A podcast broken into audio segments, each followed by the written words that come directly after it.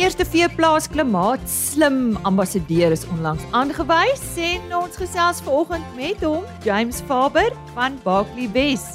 Ons hoor ook van Dr. Louis de Pisani wat in samewerking met Plaas Media die projek van stapel gestuur het. Daar was 4 finaliste en hy gee terugvoer oor elk. Praat professor Martin Stein van Universiteit van Pretoria oor navorsing wat hulle doen oor water en energiegebruiksdoeltreffendheid by verskillende aardappelbesproeiingsstelsels.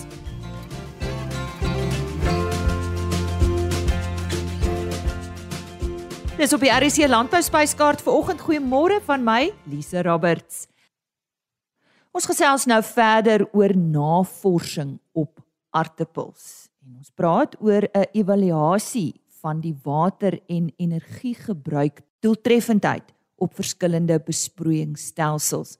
Aardappelboere in Limpopo het die afgelope paar jaar begin om met alternatiewe besproeiingsstelsels te eksperimenteer om vas te stel of hulle met die aangepaste stelsels 'n hoër watergebruiksdoeltreffendheid kan kry en terselfdertyd kan bespaar op die kostes van elektrisiteit. Een van die alternatiewe stelsels wat beproef is, is die aanpassing van spulpunte. Professor Martin Stein, professor in landbou aan die Universiteit van Pretoria in die departement van plant en grondwetenskappe, het tydens die Aartappels SA simposium die resultate bekend gemaak van 'n studie waarin bepaal is of die aanpassings werklik beter water en energiegebruik doeltreffendheid verbeter. Ons het meer oor die navorsingsprojek uitgevind en hom ook gevra of die boere werklik die voordele kry as waarvoor hulle gehoop het. Professor Stein verduidelik watter aanpassings is aan die spulpunte gemaak en hoe hulle die veranderinge se doeltreffendheid gemeet het. Goed, van die aanpassings wat gemaak is aan die besproeiingsstelsels, spulpunte is dat die uh spuithoogte is laat sak tot naby aan die grond, so 0.8 na 1 meter van die grond af en met kleiner spuitjies wat nie so ver spuit nie en nie oorvleuel nie as gevolg van dit die spuite nader aan mekaar gesit met die hoop dan om minder windverliese te kry. Ehm um, ons het die standaard prosedure vir ehm um, evaluasie van spulpuntstelsels gebruik waar ons reënmeters uitgepak het op sekere afstande, elke 5 meter uitmekaar um, om uniformiteit en die toedieningsdoeltreffendheid van die stelsels te meet. En dan vir die ehm um, aangepaste stelsels, die LEPA stelsels, wat staan vir low elevation precision application. In hulle geval ehm um, moes ons uh die tegnieke bietjie aanpas en ons het bakke van 2 meter lank gebruik en in die plek van reënmeters dan uitgepak oor die lengte van die spulpunt. Buitelandse literatuur dui daarop dat veranderinge soos wat hulle aangebring het 'n doeltreffendheid van tot 95% kan gee. Maar het hulle dieselfde met die plaaslike stelsels gevind En hoe het die aardappelaanplantings onder die stelsels in die praktyk gevaar? Met die uniformiteitstoetse en ook die ehm um, toedingsdoeltreffendhede het die toetse vir ons wel uh, goeie syfers gegee. Ehm um, hoë doeltreffendhede wel nie ehm um, so hoog soos in die literatuur nie, maar aanvaarbaar bo uh bo die aanvaarbare norm. Maar ehm um, wat ons in effek uh, in die praktyk gesien het is dat ons ehm um, in baie van die gevalle swakker groei gesien het, baie oneweredige groei van die plante. Ehm um, ons het toe met die hoeveelheid water wat toegedien is oor die groei seisoen uh, gevind dat al hierdie lepastelsels het uh, meer water ontvang as die konvensionele spulpunte. Ehm um, waar mense eintlik sou verwag het dat ons water bespaar het. As ons kyk na opbrengste het ons ook gesien dat die opbrengste effens laer was by in die meeste gevalle by van hierdie aangepaste stelsels teenoor konvensionele stelsels wat vir ons snaaks was uh, want ons het verwag dat ons uh, meer doeltreffende waterbenutting sou kry. En die rede wat ons uh, kon aanvoer daarvoor is dat uh, hoewel ons oor die lengte van die spulpunt uniforme watertoediening met hierdie bakke gekry het, is hierdie bakke nie eintlik 'n weerspieëling van wat ons op die grond sien nie. Ehm um, waar ons nie eweredige benatting oor kort afstand het nie en eintlik 'n driedimensionele benattingspatrone kry ehm um, sodat in die grondprofiele die eh, ervaar die plante nie dat uh, oral eweveel water is nie en dit het op die oomblik uh, tot effens opbrengsverlaging gelei. Produsente het ook gerapporteer dat hulle sukkel om die grond nat te kry. So hoewel bietjie meer water toegedien is, ehm um, het, het dit voortdurend gelyk of die aardappels droër is en hulle moes meer water gee. Wat ons ook gesien het is as gevolg van die baie nou benattingspatroon en hoë toedieningstempo onder hierdie spuitjies wat so naby mekaar gespaseer is, ehm um, sien ons erosie op die grondoppervlak. So water loop af. Ehm um, en ons kry nie infiltrasie in die grond in en, en, en natuurlik as die water in die grond infiltreer, dan kan dit nie bydra tot uh, groei en tot produksie van die gewas nie. Die alternatiewe stelsels het definitief nog uitdagings wat oorkom moet word. Hoe lyk die pad vorentoe en watter aanpassings sal hy aanbeveel? Ek dink voordat 'n mens enige aanbeveling aan boere kan maak, moet ons seker maak dat stelsels behoorlik ontwerp is want een van die uh, voordele wat voorgehou word van hierdie stelsels is dat as gevolg van die feit dat hulle by laer drukke werk, kan ons baie energie bespaar. Ehm um, so ons kan met kleiner pompe, kleiner motors wegkom en energie is deesdae baie duur, elektrisiteit so dit het 'n potensiële baie groot voordeel, maar ons het nie daai voordeel gesien uh, in baie van die gevalle nie. En die probleem was dat produsente het uh die stelsel aangepas, die spulpunt aangepas, maar hulle het nie die pompe en die en die motors geoptimaliseer vir die vir die uh, veranderde omstandighede nie. En as gevolg van dit uh, is daar in baie gevalle nie energie bespaar soos wat verwag is nie. So as dit uh optimaal uh, ontwerp kan word en en as ons uh seker maak dat ons nie afloop kry nie die die um, spuit spuite uh, vir die gepas word met die grond wat uh, besproei word. Ehm um, dink ek daar is definitief potensiaal in die toekoms dat hierdie stelsels wel vir ons water en energie kan spaar.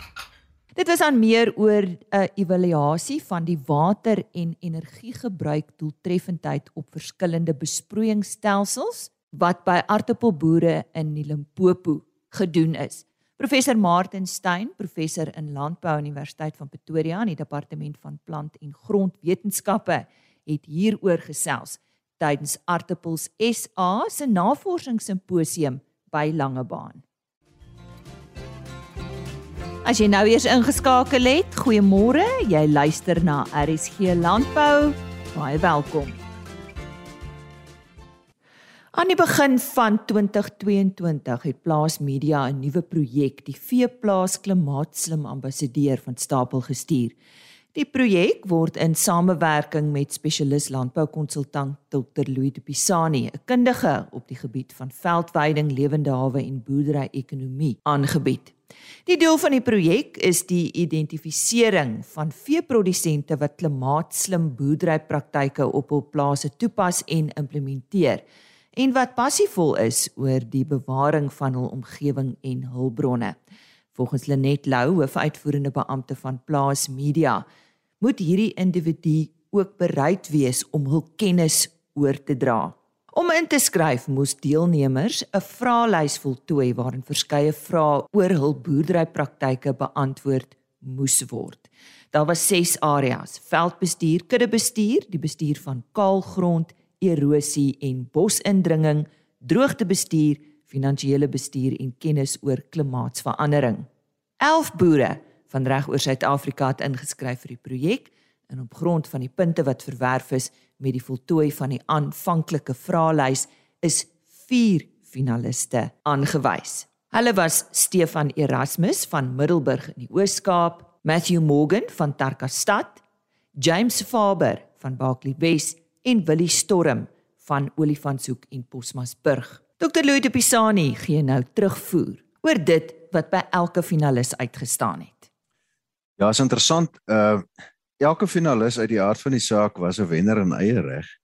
Uh omdat die ouens sulke skitterende boere is, maar kom ons vat hulle so van 'n kant af Stefan Erasmus van Middelburg in die Oos-Kaap. Uh die goed wat by hom veral uitgestaan het is sy intensiewe skaapproduksiestelsel. Uh uitstekend hoe hy daai skape van hom uh, produseer en die baie hoë uh, reproduksiesyfers wat hy kry. En dan die ander ding wat baie baie goed uitgestaan het is uh hy gaar al die water op wat van die omliggende berge afloop uh in damme, in gronddamme en dan gebruik hy dit vir besproeiing juis om hier wisselvallige klimaat uh beter te kan bestuur. So dis die twee goed wat by Stefan uitgestaan het. Ek moet net sê wat uitgestaan het by al vier finaliste is natuurlik hulle hulle veldbestuurstelsels en hulle kudde bestuurstelsels.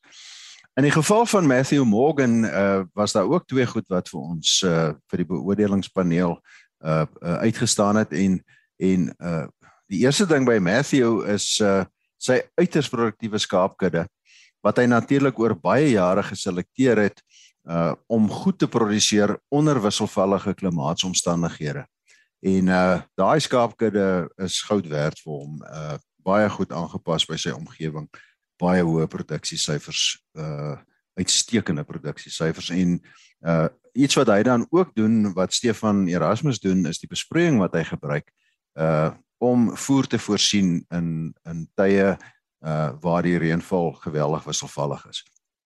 Die die derde deel nee of finalis James Faber uh James bedryf 'n baie groot boerdery uh met verskeie bedryfstakke uh en nog 'n paar besighede by. En en dan weet ons ook dat James is baie bedrywig in die georganiseerde landbou en hy's dikwels weg van sy plaas af uh wat sy wat sy eie uitdagings het.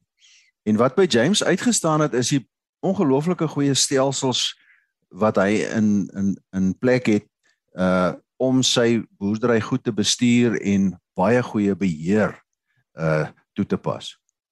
Uh die laaste finalis uh, Willie Storm uh drie goed by hom wat wat wat uitgestaan het is sy on, sy uitsonderlike waarnemingsvermoë. Uh Willie is een van die min ouens wat hierdie verskriklike fyn waarnemingsvermoë het. Uh en en en en dit was baie baie opvallend by hom. Hy ken sy veld goed, hy ken sy vee goed. Uh en hy het het regtig 'n baie besondere waarnemingsvermoë en hy het die vermoë om hierdie waarneming van hom in die praktyk dan nou neerslag te laat vind en vinnig aanpassings te kan maak. Uh en dan natuurlik uit die aard van die saak sy uitstekende bestuur van sy veld en sy beeskudde en dan veral die beheer wat hy uh oor die afgelope 10, 12 jaar uitgeoefen het oor bosverdigting. Dit het regtig 'n baie groot verskil in sy boerdery gemaak en veral sy sy uh uh uh jy weet afhanklikheid of dan nou sy sy sy uh vermoë om die wisselvallige uh, klimaat beter te bestuur het dit veral 'n groot bydrae gelewer. En dit het daartoe bygedra dat sy draagkrag van sy plaas oor die afgelope 10 tot 12 jaar geweldig toegeneem het. So dis dis in kort wat uh, by elkeen van hierdie finaliste uitgestaan het in terme van hulle vermoë om 'n wisselvallige klimaat beter te kan bestuur.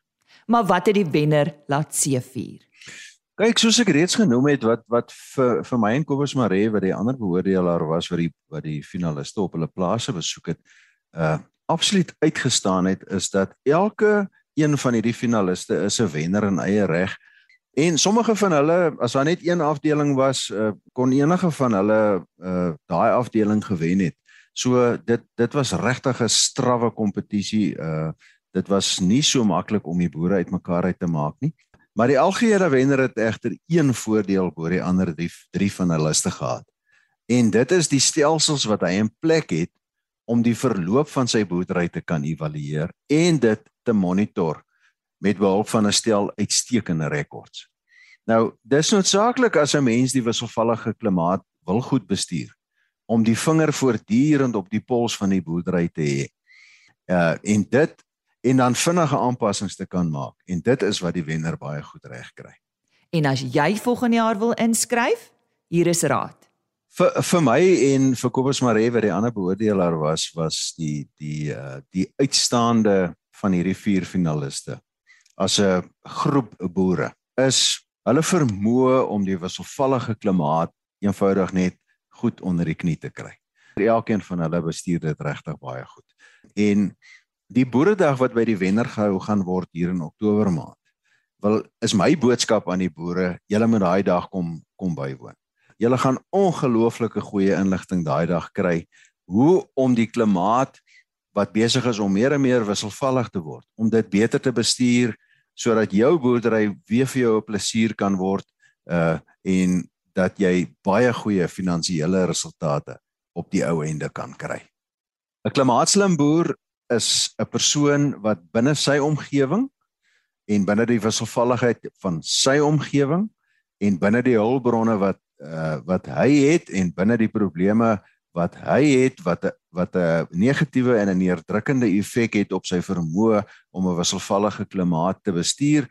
Dis daai boere wat die vermoë het om dit raak te sien buffers in plek te plaas om dit beter te kan bestuur Want ons groot probleem is is dat uh hierdie wisselvallige klimaat veroorsaak dat dat mense onder geweldige druk kom en die ouens wat in die goeie jare bestuurstelsels in plek plaas uh sodat hulle die wisselvalligheid beter kan bestuur, beter kan monitor uh wat op die plaas aangaan. Dis die ouens wat uiteindelik die klimaat baie beter bestuur.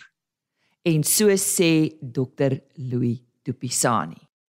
En vanjaar se wenner, James Faber van Glenros boerdery in Barkley Wes. Ons het meer gaan uitvind oor sy boerdery en sy klimaatslim benadering. Ek is na skool universiteit toe, ek het 'n BSc in landbouekonomie en ekonomie gedoen en so 'n stukkie geboor en toe as 'n kontrakteur begin werk en weer terug boerdery toe, nee, jy weet, ons te familieboerdery begin ek en my broer. En ja, ons familieboerdery, dis wat vandag nog steeds bestaan waar ons veevertakking het, 'n besproeiingsvertakking wat ons dan maar mielies en koring en die tipe van goed doen, loserings doen. Uh ja, en dan is ons buite die landbou ook betrokke waar ons 'n paar ander besighede buite landbou het wat ons bedryf. En ja, my passie bly by vee gedeelte. Dit is my gedeelte wat regtig met passie bly is my vee en om op my plaas te kan wees. Dit is net baie keer 'n uitdaging, nee, jy weet, om elke dag daar te kan wees. En dan moet ek vir jou sê baie sterk gemeenskapsbetrokkenheid begin betrokke raak by die RPO waar ek dan ook heidaglik voorsitter is van die RPO en om bietjie terug te ploeg terwyl die wêreld so goed was vir ons moet ons op 'n manier weer kan terugploeg ook binne in die omgewing. En waarom is klimaatslim boerderypraktyke vir hom so belangrik? In my oë het ek net een kans. In een kans bedoel ek of ek doen dit reg of ek doen dit glad nie. Ons het regtig in ons tyd deur al die probeerslae gekom om te sê ons boer slaagse maniere te veel diere, te min diere, um hoë druk beveidings. Dis regtig elkeen wat alweer baswoords geword het, is goed wat stokoud is en ons het almal van hulle al geprobeer. En ons het by die punt gekom om gesê, maar ek beslag spandeer ek 'n groot klomp geld. Ek het niks in myself nie. Die bankbalans is net elke slag nie verkeer kan die oortokke rekening raak net groter. Maar hoe gaan ek dit doen dat dit 'n verskil maak met my omgewing waarbinne ek bly, maar ook aan my en my familie en my mense wat by werk. En dis waar ek dink ek die maat slim is nou 'n baie nuwe woord vir my maar dis volhoubaarheid. Jy weet om volhoubaar op my plaas te kan bly en elke dag daar te kan wees, né? Want dit is wat ek graag wil doen. En ek dink so 'n klomp van ons boere wil dit graag doen en jy hoef nie groot te boer om dit te kan doen nie. Jy kan op 'n baie klein skaal dit doen. En om na jou diere om te sien want dit is tog ons opdrag op aarde om te kyk na ons diere, na ons mense, na ons veld, na ons hulpbron daar buite kan en te sorg dat ons vir die nageslag hulpbron los wat beter is as die hulpbron wat ek gekry het. Hierdie word beskou as 'n mentorskap inisiatief eerder as 'n kompetisie en hy moet bereid wees om sy kennis oor te dra. Hoe gaan hy dit doen? Die deel van kennis is seker een van die moeilikste goed waarmee ons vandag in ons samelewing het. Ons het YouTube's, ons het al hierdie verskriklike Twitters en Facebooke en ek verstaan baie min van baie van die nie. Ek leer baie vinnig en probeer so hard. Ek is tog 'n pen en papier mens en ek is tog 'n bladsy mens wat 'n bladsy wil lees, maar ek besef ook dit is nie noodwendig meer die kanale wat ons het om te gebruik nie. So ek dink 'n uh, samespanning van hierdie al hierdie media en wat ons nodig het om op die einde van die dag vir ons 'n boodskap uit te kry. Maar die beste boodskap wat daar is en die maklikste boodskap uit te kry, wys vir iemand. Wys vir hom waarmee jy besig is, wys vir hom hoekom dit suksesvol is en dra dit uit na buitekant deur dit vir mense moontlik te maak om te sien. Hier dink ons byvoorbeeld aan boeredae wat gehou word, uh waar jy spesifiek mense uitvat veld toe waar jy vir hulle kan wys maar wat het gebeur waar ons bosverdigting behandel het en hoe het dit oor tyd verander of nee moet dit nie doen nie want dit is dalk die heel verkeerde praktyk moenie weer jou vingers op brand nie en ek dink dis hier waar mentors ook inkom jy weet 'n sterk mentor is baie skaars Dis regtig iemand wat baie skaars is, maar baie keer soek mense eers vir 'n mentor. Daar is 'n mentor wat jy agterna besef, maar die ou was eintlik 'n mentor van my lewe gewees. Jy weet, eintlik 'n deel van my lewe vir my gevorm. So kan elke mens glo ek sê sy ouerhuis was dalk 'n mentors mentors in sy lewe gewees om sy basis en sy fondasie te vorm, sy skool. Maar so het ons aanbeweeg, jy weet, en oor my paadjie het 'n baie interessante klomp mense gekom waarvoor baie baie dankbaar is. Jy weet, een van hulle is ou Dr. Louis de Pisani wat julle almal baie goed ken. Louis ehm uh, ja, ek kan uh, I only can salute him vir dit wat hy vir my geleer en gedoen het en die passie wat hy by my losgemaak het om vir my bron lief te wees en te gaan soek doen iets anders. Nie noodwendig hier is 'n resep en dis klaar en verby nie. Jy weet, en gaan pas dit toe en meet waarmee jy besig is.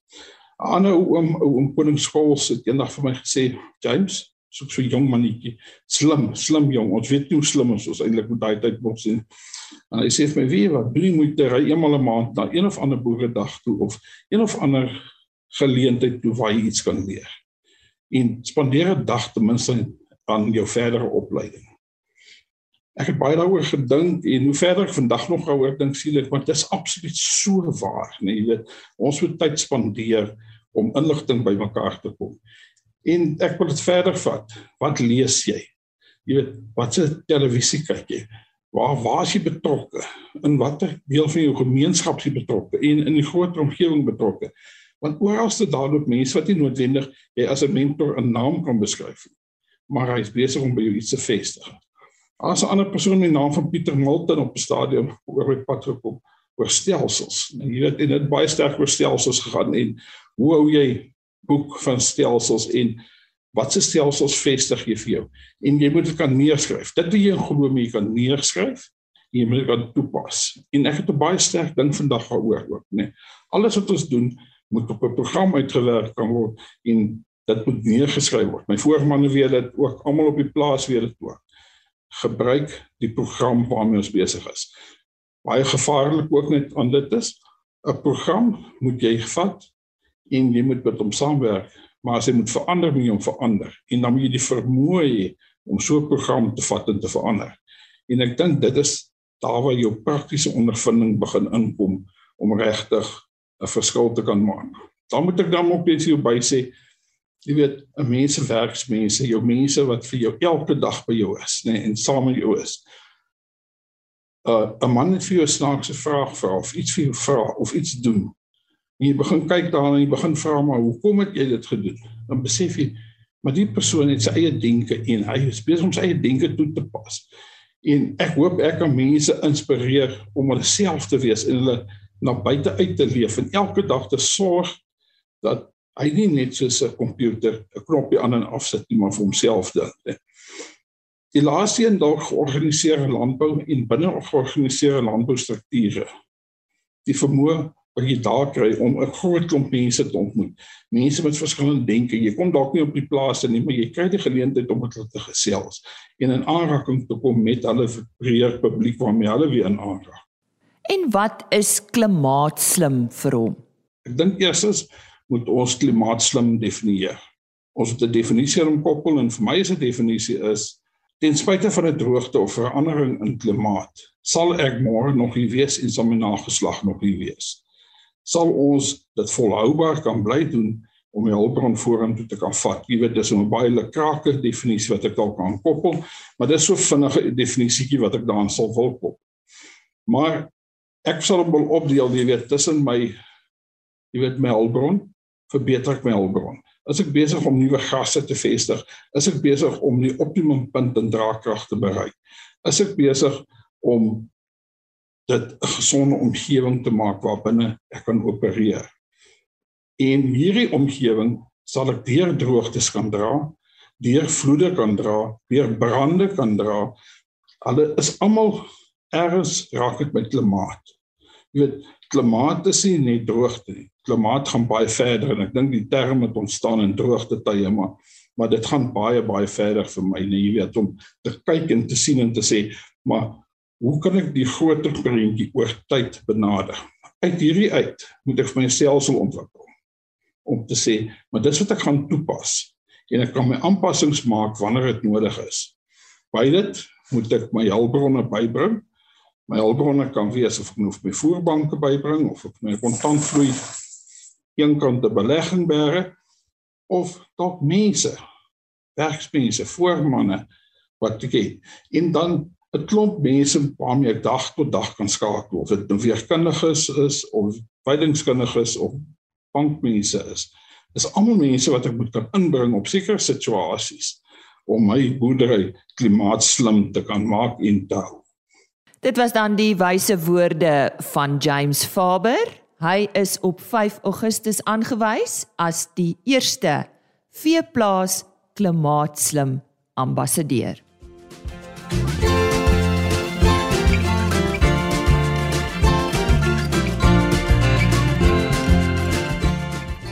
Dit is dan vandag se RSG landbou.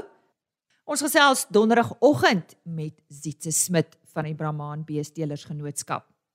Môreoggend op RSC landbou, ons gesels kuilvoer planne en aanpassings met Peters van Rooyen van Pannar. Dit was 'n buitengewone nat seisoen en uh, hy gee ook raad oor die komende seisoen wat uh, blykbaar ook nat gaan wees. Dan die IFPA of Internasionale Varsprodukte Vereniging se Suid-Afrikaanse been bied hierdie week 'n expo aan in Kaapstad en Adolf Kiefit gesels met ons daaroor. En professor Paul Lebout was een van die sprekers tydens 'n beesinligtingsdag by Ryds en hy praat oor winsgewende koeikuddes. Dis waarna jy kan uitsien môreoggend op RSG Landbou.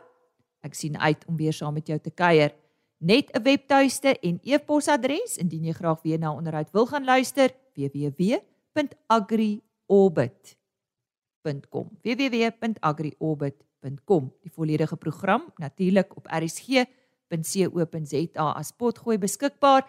En dan eh, sluit ek af met 'n e-posadres rsglandbou@plaasmedia.co.za van my Lise Roberts mooi dag vir jou totsiens RSG Landbou is 'n plaas media produksie met regisseur en aanbieder Lize Roberts en tegniese ondersteuning deur Jolande Rooi.